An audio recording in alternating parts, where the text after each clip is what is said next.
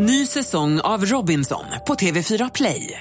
Hetta, storm, hunger. Det har hela tiden varit en kamp. Nu är det blod och tårar. Fan händer just nu. Det. Detta är inte okej. Robinson 2024, nu fucking kör vi! Streama söndag på TV4 Play. Du lyssnar på en podcast från Expressen. Ansvarig utgivare är Thomas Mattsson.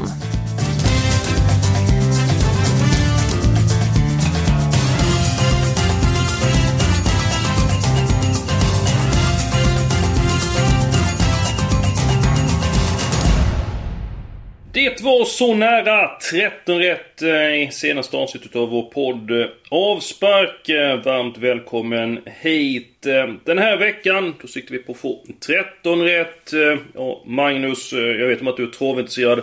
Vi föll på målfoto senast. Det blev 12 rätt. Ja, det var ju ruggigt nära denna gången.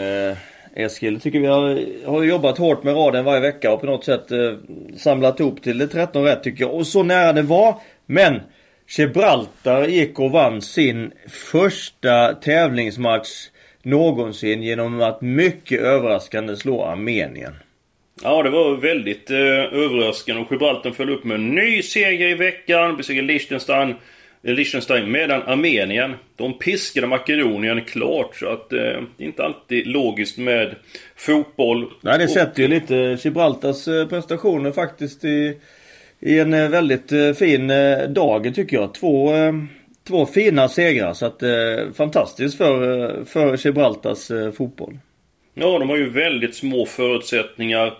Ett land som inte har små förutsättningar utan tvärtom väldigt fina förutsättningar. En storhet, en stormakt inom fotbollen är ju Tyskland. Men, vad är det som händer med Tyskland för dagen?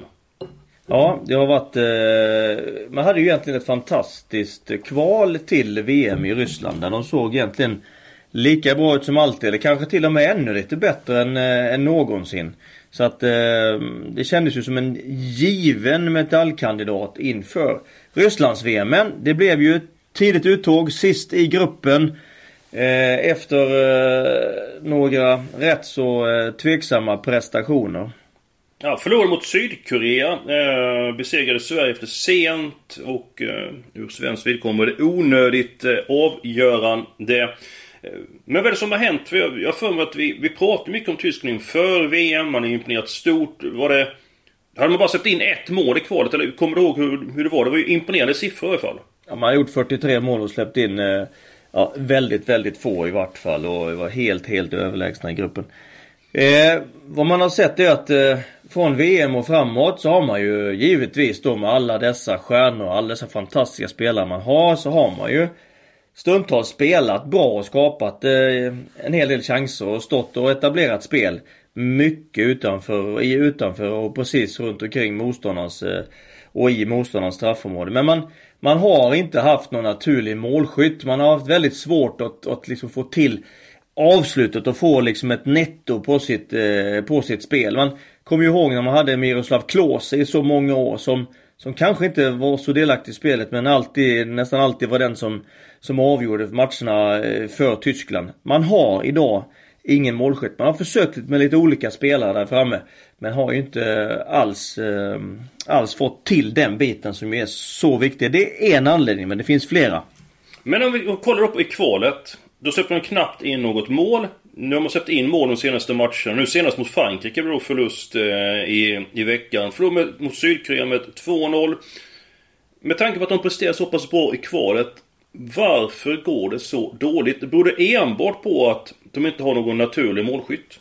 jag tror det beror också på att man ska, man ska så veta att vi vet ju att Tyskland har ju ordinarie spelare, givna spelare och stjärnor i lag som Barcelona, Real Madrid, PSG, Juventus, topplagen i Premier League och givetvis i Bayern München. Detta är ju ett helt fantastiskt lag. Men det, det medför ju också att det kan finnas eh, en problematik i det. För Jogi Löw att hålla energierna på rätt nivå i en trupp och det finns många stora, stora stjärnor som inte får spela så mycket och inte får den roll i laget och i gruppen som man är van vid och som man nästan kräver att få ha. Och jag tycker att man har märkt ett, ett, ett energitapp i den, eh, den tyska truppen som har blivit ett problem och att stämningen och energin som är så viktig att, eh, att lägga i prestationerna för att man ska nå upp till potentialen inte har funnits där. Men, men vad beror det på då? För när man ser eh, Tyskland genom åren så är det en eh, nation som ständigt levererar. Tar nästan ja, alltid med i löjligt sig, men de tar väldigt ofta medaljer. Ett oerhört fint facit i VM och EM. Där energitappet, är det Lövs fel? Är det spelarnas fel? Eller vad sjutton beror det på?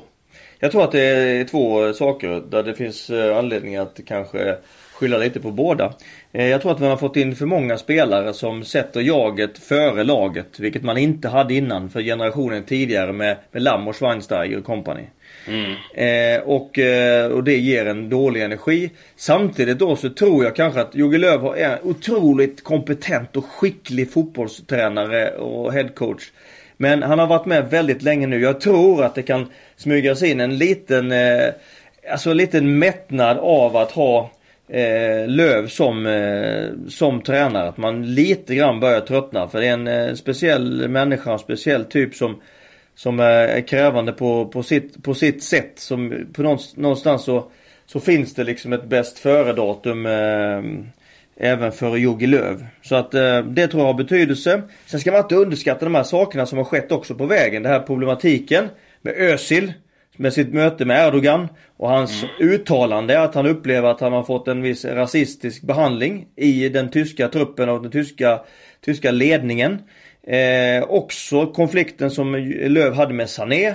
Som inte fick komma med till eh, VM för att eh, Löv inte gillade hans kroppsspråk och så vidare. Och det är så att man ska veta att de här spelarna, både Özil och Sané, de har bundsförvanter också i truppen. Som inte har hållit med Löv i de här besluten. Vilket också skapar en, eh, en dålig energi. Så det finns, det finns många saker som gör att Tyskland inte är vad de har varit. Sen vill jag lägga till att Jogge Löw har de sista matcherna börjat laborera och blivit lite av en sökare. De tre sista matcherna har man spelat. Mot Frankrike hemma spelar man 4-2-3-1. Mot Holland spelar man 4-3-3. Mot Frankrike borta spelar man 3-4-3. Det är ju det tuffa är ju att för ett landslag som träffas så sällan att man, man, man måste använda tiden för att få en trygghet och en igenkänning i spelet. Och det har man inte fått eftersom man har börjat söka och ändra och greja och fixa så mycket. Och det, och det är, det är, en, är också en anledning tror jag. Och det, vilket svar du levererade. Det var snabbt, det var energifyllt, det var informativt. Eh, jättemånga följdfrågor kommer det bli på detta där. Du säger att eh, Löv är en eh, krävande eh, coach, eh, men väldigt speciell. På vilket sätt är han speciell? Ja men alltså, det är klart att nutidens spelare kräver ett eh, eller de förväntar sig ett lite mer inflytande. De förväntar sig ett lite mer demokratiskt ledarskap än vad spelarna förväntade sig tidigare. Man vill vara, man vill vara lite mer delaktig i processen. Jogge Löw är inte, är inte den typen av tränare som, som släpper upp några, några men, någon, liksom någon, något meningsutbyte med, med spelarna. Mm. Eh, och så, det är klart att en, en, en ganska, ganska despotisk eh, eh ledarstil är ju, blir ju ganska slitsam i längden. Eh, för de som har varit med länge. Så att mm. Eh, det är svar på den frågan. Sen så nämnde du Sané, sen kom du med Özil, eh, lite grann politik kom in det hela. Sen så kom du även in på att han har laborerat med laget de senaste matcherna och när man börjar laborera, vad det är ett tecken på? Ja det är ju för att man är osäker, att man inte vet hur man ska ha det. Och det sänder ju också signaler i truppen. Det sänder signaler utåt och i tysk media så är de extremt hårt ansatta just nu. Både spelare och, och Löv och det, det påverkar människorna också för alla är påverkade av alla påverkas av negativ kritik. Den som säger att han inte är det, den, den tror jag ljuger. Ja, jag håller med dig. Alla är människor. Det är klart att man får läsa väldigt mycket, får höra väldigt mycket. Det är sociala medier, det är sms och så vidare. Så det är klart att, eh, att man påverkas av det. Vi ska snart tala lite grann mer om tysk fotboll. Vi tar de säkra. Eh, och så att det är en vägledning mot 13-1 Newcastle. Tappade 2-0 till förlust mot Manchester United på Old Trafford. Vi varnade för Manchester United, eller vi varnade för Newcastle den matchen. Det var nästan att det höll hela eh, vägen. Eh, nu måste förbannelsen eh, brytas för det här laget. Möter Brighton hemma. Brighton med en hel del skador. Ettan lämnas ensam.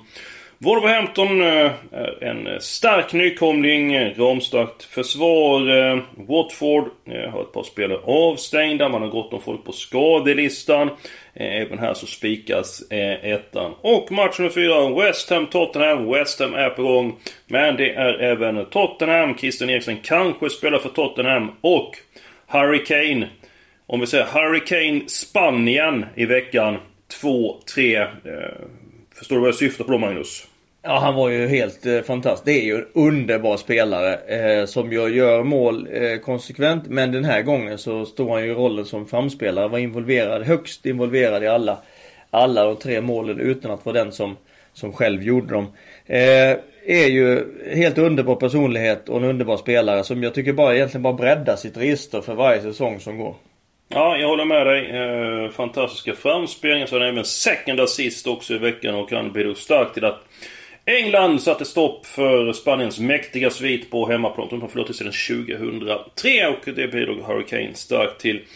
Mer tysk fotboll. Eh, när man talar om Tyskland tänker jag på Bayern München, ett av världens bästa lag genom alla tider. Du får samma fråga så här. Vad är det som händer med Bayern München? Ja, vi har spelat sju omgångar i ligan va? De har gjort i, i Tyskland, i Bundesliga. Man ligger på sjätte plats. Jag vet inte senast som Bayern låg på sjätte plats efter sju omgångar.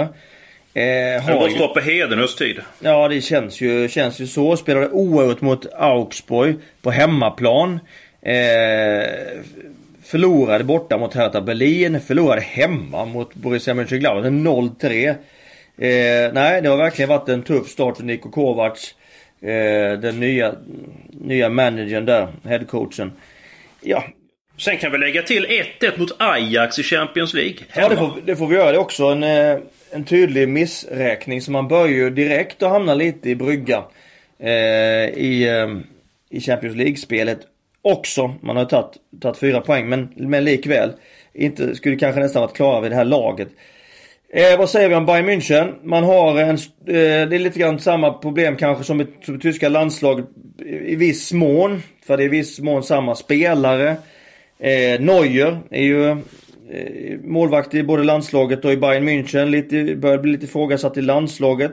Vi har Boateng, vi har Hummels, vi har Kimmich, vi har Müller. Som ju normalt sett utgör ryggraden på, på bägge ställen. Och vad som är gemensamt för tyska landslaget och Bayern München är att de är underpresterar eh, kraftigt eh, för dagen. Så kan man ju säga. Ja, absolut. Och du nämner väldigt kända namn. Är det lite grann så att de här fantastiska fotbollsspelarna som du nämner, börjar de bli mätta på fotbollen? Jag, jag, har väldigt, jag har svårt att se det. För detta är sådana enorma tävlingsindivider som har varit, de har i och varit med länge men de har sån, sån, sån jäkla eh, driv och tävlingsinstinkt. Och de är inte gamla. Alltså Neuer är 32 år. Och vad skulle du säga 32 år är ålder för, på, är för ålder på en målvakt? Väldigt ungt. Jag önskar själv att jag var 32. Ja men alltså på något sätt så är det ju inte någon, eh, man är på något sätt inte over the hill på långa vägar när man är 32 målvakt. Trots att kanske nästan sin peakålder. Boateng mm. är 30, Hummels är 30. Också en ålder där man ska kunna prestera väldigt bra. Müller tycker vi har varit med en evighet. Han är 29 år. Oj då. Och Kimmich är bara 23. Ja, de här spelarna är, är alltså spelare som som eh, eh, fortfarande är en bra ålder, bra driv men man, jag tror inte helt enkelt att Niko Kovac har lyckats sätta bitarna på plats. Vad man kan säga då i, i Bayern München för övrigt det är ju att det finns ju några som har varit nyckelspelare i många år som, som dock har kommit till åren. Det är ju Frank Ribéry och Arjen Robben som ju nu är 34-35 år. Som ju givetvis inte levererar eh, på den nivån som man har varit van vid, van vid tidigare. Så att där har vi en anledning.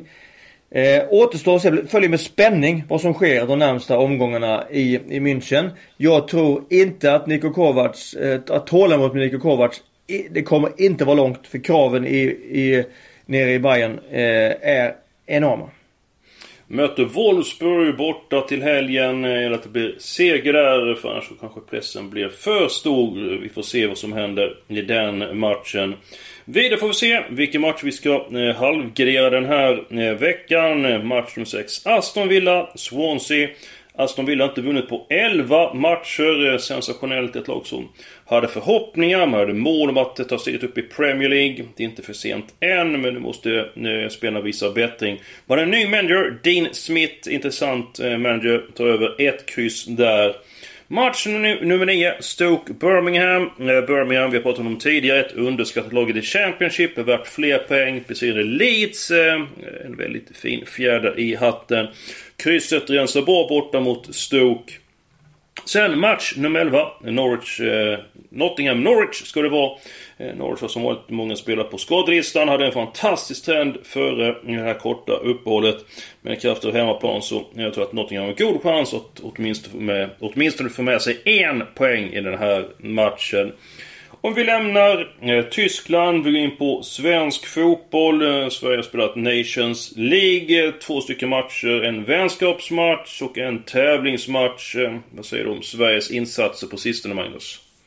Ja, vi hade ju en, eh, en, en prestation mot Turkiet hemma som inte var...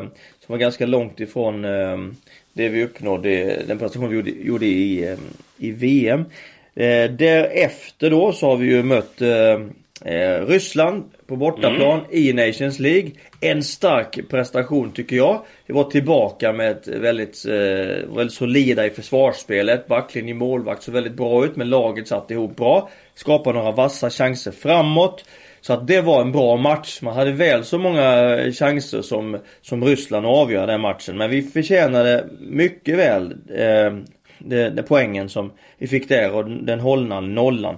Ja, och med lite tur hade vi kunnat tagit alla pengarna i den matchen. Sen så mötte vi Slovakien. Då blev det 1-1. Slovakien kvitterade sent. Eh, dina intryck av den matchen? En, eh, Sveriges första halvlek var långt... Eh, långt den under. glömmer vi. Ja, den glömmer vi. Den var, den var en svag första halvlek. Däremot så tycker jag man kommer ut som ett eh, mycket bättre lag i andra halvlek. Med en aggressivare försvarsspel, klev lite högre, kom lite närmare den slovakiska bollhållaren i pressen. Laget kunde följa efter vinna bollen i lite intressantare lägen. Ett precisare passningsspel. Eh, gjorde mål, skapade några chanser till och kan ju döda matchen vid ställningen 1-0 till Sverige. Så andra halvleken, den är ju bra tycker jag. Mm. Ett par spelare, nya spelare fått chansen. Var de som imponerade på dig? Ja, jag tycker att, jag tycker att det var kul att se Kristoffer Olsson i landslagströjan. Mm. Eh, jag tycker han har varit eh, helt eh, grym, eh, grymt bra i AIK. Eh, han har ju den här fina egenskapen att han har en eh, otrolig passningsfot. Han kan passa genom motståndarens mittfältsled. Eh, vilket gör att man liksom eh, skör sönder motståndarens försvarsspel i små bitar. En, en, en mycket intressant spelare för framtiden. Kan han lägga på sig lite tuffhet och utveckla sitt försvarsspel lite till. Så tror jag att han tar plats i det här laget mm. med, med, tiden. Så det var, det var skitkul att se, tycker jag. Mm. Intressant. Eh, Någon annan? Ja, ja sen, sen tycker jag Martin Olsson tog, eh, tog chansen när han fick chansen att spela vänsterback eh, eh, mot Slovakien och gjorde det bra. Deltog eh, väldigt fredig framåt, var stabil bakåt. Sen, sen vill, jag, vill jag nämna... Man måste Får nämna... Gissa? Får jag gissa? Ja, ja. Andreas Granqvist. Ja, man måste göra det Eskil. Eh, han var inte med mot Turkiet. Det märktes. Två, tre insläppta och allmän, eh, allmän kaos i de bakre regionerna. Tillbaka nu mot Ryssland och Slovakien. Extremt stabil och får ju de andra i backlinjen och mittfält framför målvakt att prestera på topp. Han visar att han fortfarande är mycket, mycket viktig för det svenska landslaget. Ja, det är han absolut och han är väldigt viktig för Helsingborg. Han kom hem efter VM. Eh, Helsingborg 58 poäng i Superettan. Tvåan Falkenberg 55. De här lagen mötte senast och vann Helsingborg med 1-0 och nästa år spelar Helsingborg i Allsvenskan och Andreas Granqvist kommer bli en publikfavorit på de flesta eh, arenor. Det var som att han får inte sluta i landslaget. Han, han, kan bli 55 år, man måste fortsätta landslaget ändå, Magnus. Ja, nej, han är... Kanske inte 55, men jag tror jag blir 54? Ja, någonstans. Någonstans där. Men äh, han äh, är fortsatt väldigt viktig. Det har liksom under de här senaste matcherna har verkligen understrukit det. Så att äh, kanske lite mer spännande hur man gör framåt i landslaget äh, vad det gäller forwardspositionerna. Jag mm. tycker, jag tycker fortsatt Marcus Berg är helt given den bästa forward vi har. Trots att han just nu får utstå ganska mycket kritik för att han inte har gjort några mål. Men, men förstår du den kritiken emot honom då? För att han är ju han är anfallare. Anfallare ska göra mål. Och, och han har inte gjort så många mål eh, i landslaget på sistone. Förstår du kritiken mot honom? Ja det förstår jag eftersom eh, han är ju en otroligt skicklig målskytt och har fått grus i, i det maskineriet. Så att det, då kommer kritiken. Så är ju den här, eh, så är ju den här branschen. Eh, men jag tycker fortsatt likväl att Janne och Peter Wettergren ska fortsätta ge han förtroendet för han är den Han är vår bästa forward. Han är otroligt smart i spelet. Vilket han kommer till målchanser. Så länge man kommer till målchanser, ja då kommer man över tid också göra mål. Så jag är inte orolig på den fronten. Frågan är mer, vem ska han spela med? Och vem tycker du? Jag har inte, jag har inte kommit till någon konklusion om det än. Vi har sett Kiese Thelin i ett par matcher. Vi såg John Guidetti igår, eller häromdagen. Vi har haft Sebastian Andersson har fått spela forward eh, de sista matcherna här, eller senaste matchen. Eh, jag, tycker det är en, jag tycker det är en öppen fråga. Eh, jag tycker inte det är självklart att det ska vara Kiese Thelin som fick, fick spela matchen före. Mm. Ja, jag har en intressant idé om att hur skulle det vara om man satte upp Emil Forsberg som, som nummer 10? Och tog in Viktor Claesson, eller flyttade Viktor Claesson över till vänster. Vilket är en position som är, är, bättre för honom. Att han kan komma in i plan med sin högerfot samtidigt. Så att man får, får Emil Forsberg i det här intressanta området rättvänd framför motståndarens backlinje. Så det, det är det som jag har. Samtidigt som man har Marcus Berg längst fram fortsatt. Som sträcker motståndarna med sitt djupledsspel. Mycket intressant. Eh, den duon kommer att sätta skräck i många eh, försvar eh, förhoppningsvis. Eh, alla som Sverige möter framöver. Vi får se hur det blir. Det är hög tid att ta de helgarderade matcherna. Två av dessa hittar jag i The Championship. Reading mot Millwall. Eh, alla tecken där. Match nummer 13, Hull Preston. För även blir en helgardering i den avslutande matchen på kupongen. Det är faktiskt så att det är eh, en väldigt svår match. Eh, Preston eh, saknar eh, spelare på grund av skador och avstängningar. Så jag tycker man betalar för alla tecken i den matchen. Match nummer två, Cardiff Fulham. Det får alla tecken i den matchen. Också, vad har du för syn på den matchen? Jag har lite feeling ändå att, det, att Fulham kan vinna den matchen. För jag tycker att man har, man har den bättre, jag tror bägge lagen har dålig form. Eh, men man har den bättre, starkare truppen. Fick ju visserligen stryk mot Arsenal sist med hela 5-1. Men efter en sån förnedring så brukar man ta sig samman och skärpa sig ordentligt. Och det tror jag att eh, Jokanovic eh, mannar med Mitrovic i spetsen kommer att göra. Ja, har du frågat mig för tre veckor sedan. Jag har velat spika tvåa men sommaren föll ihop mot Arsenal efter paus. Det var pinsamt. Se de ska skämmas för den insatsen. Det får bli alla tecken i matchen. Och till helgen så inleds Tips-SM. Det är en rolig tävling att vara med i. Det var allt för den här veckan. Om ni vill så kan ni lyssna på oss igen nästa vecka. Har ni någon fråga? Tveka inte. Mejla in dem på eskil.hellberg så kommer vi ta upp den frågan. Eller förhoppningsvis kommer vi ta upp den frågan på spåren av frågor vi får. Men ni är varmt välkomna med era frågor. Och så önskar vi ett stort lycka till med helgens tippande.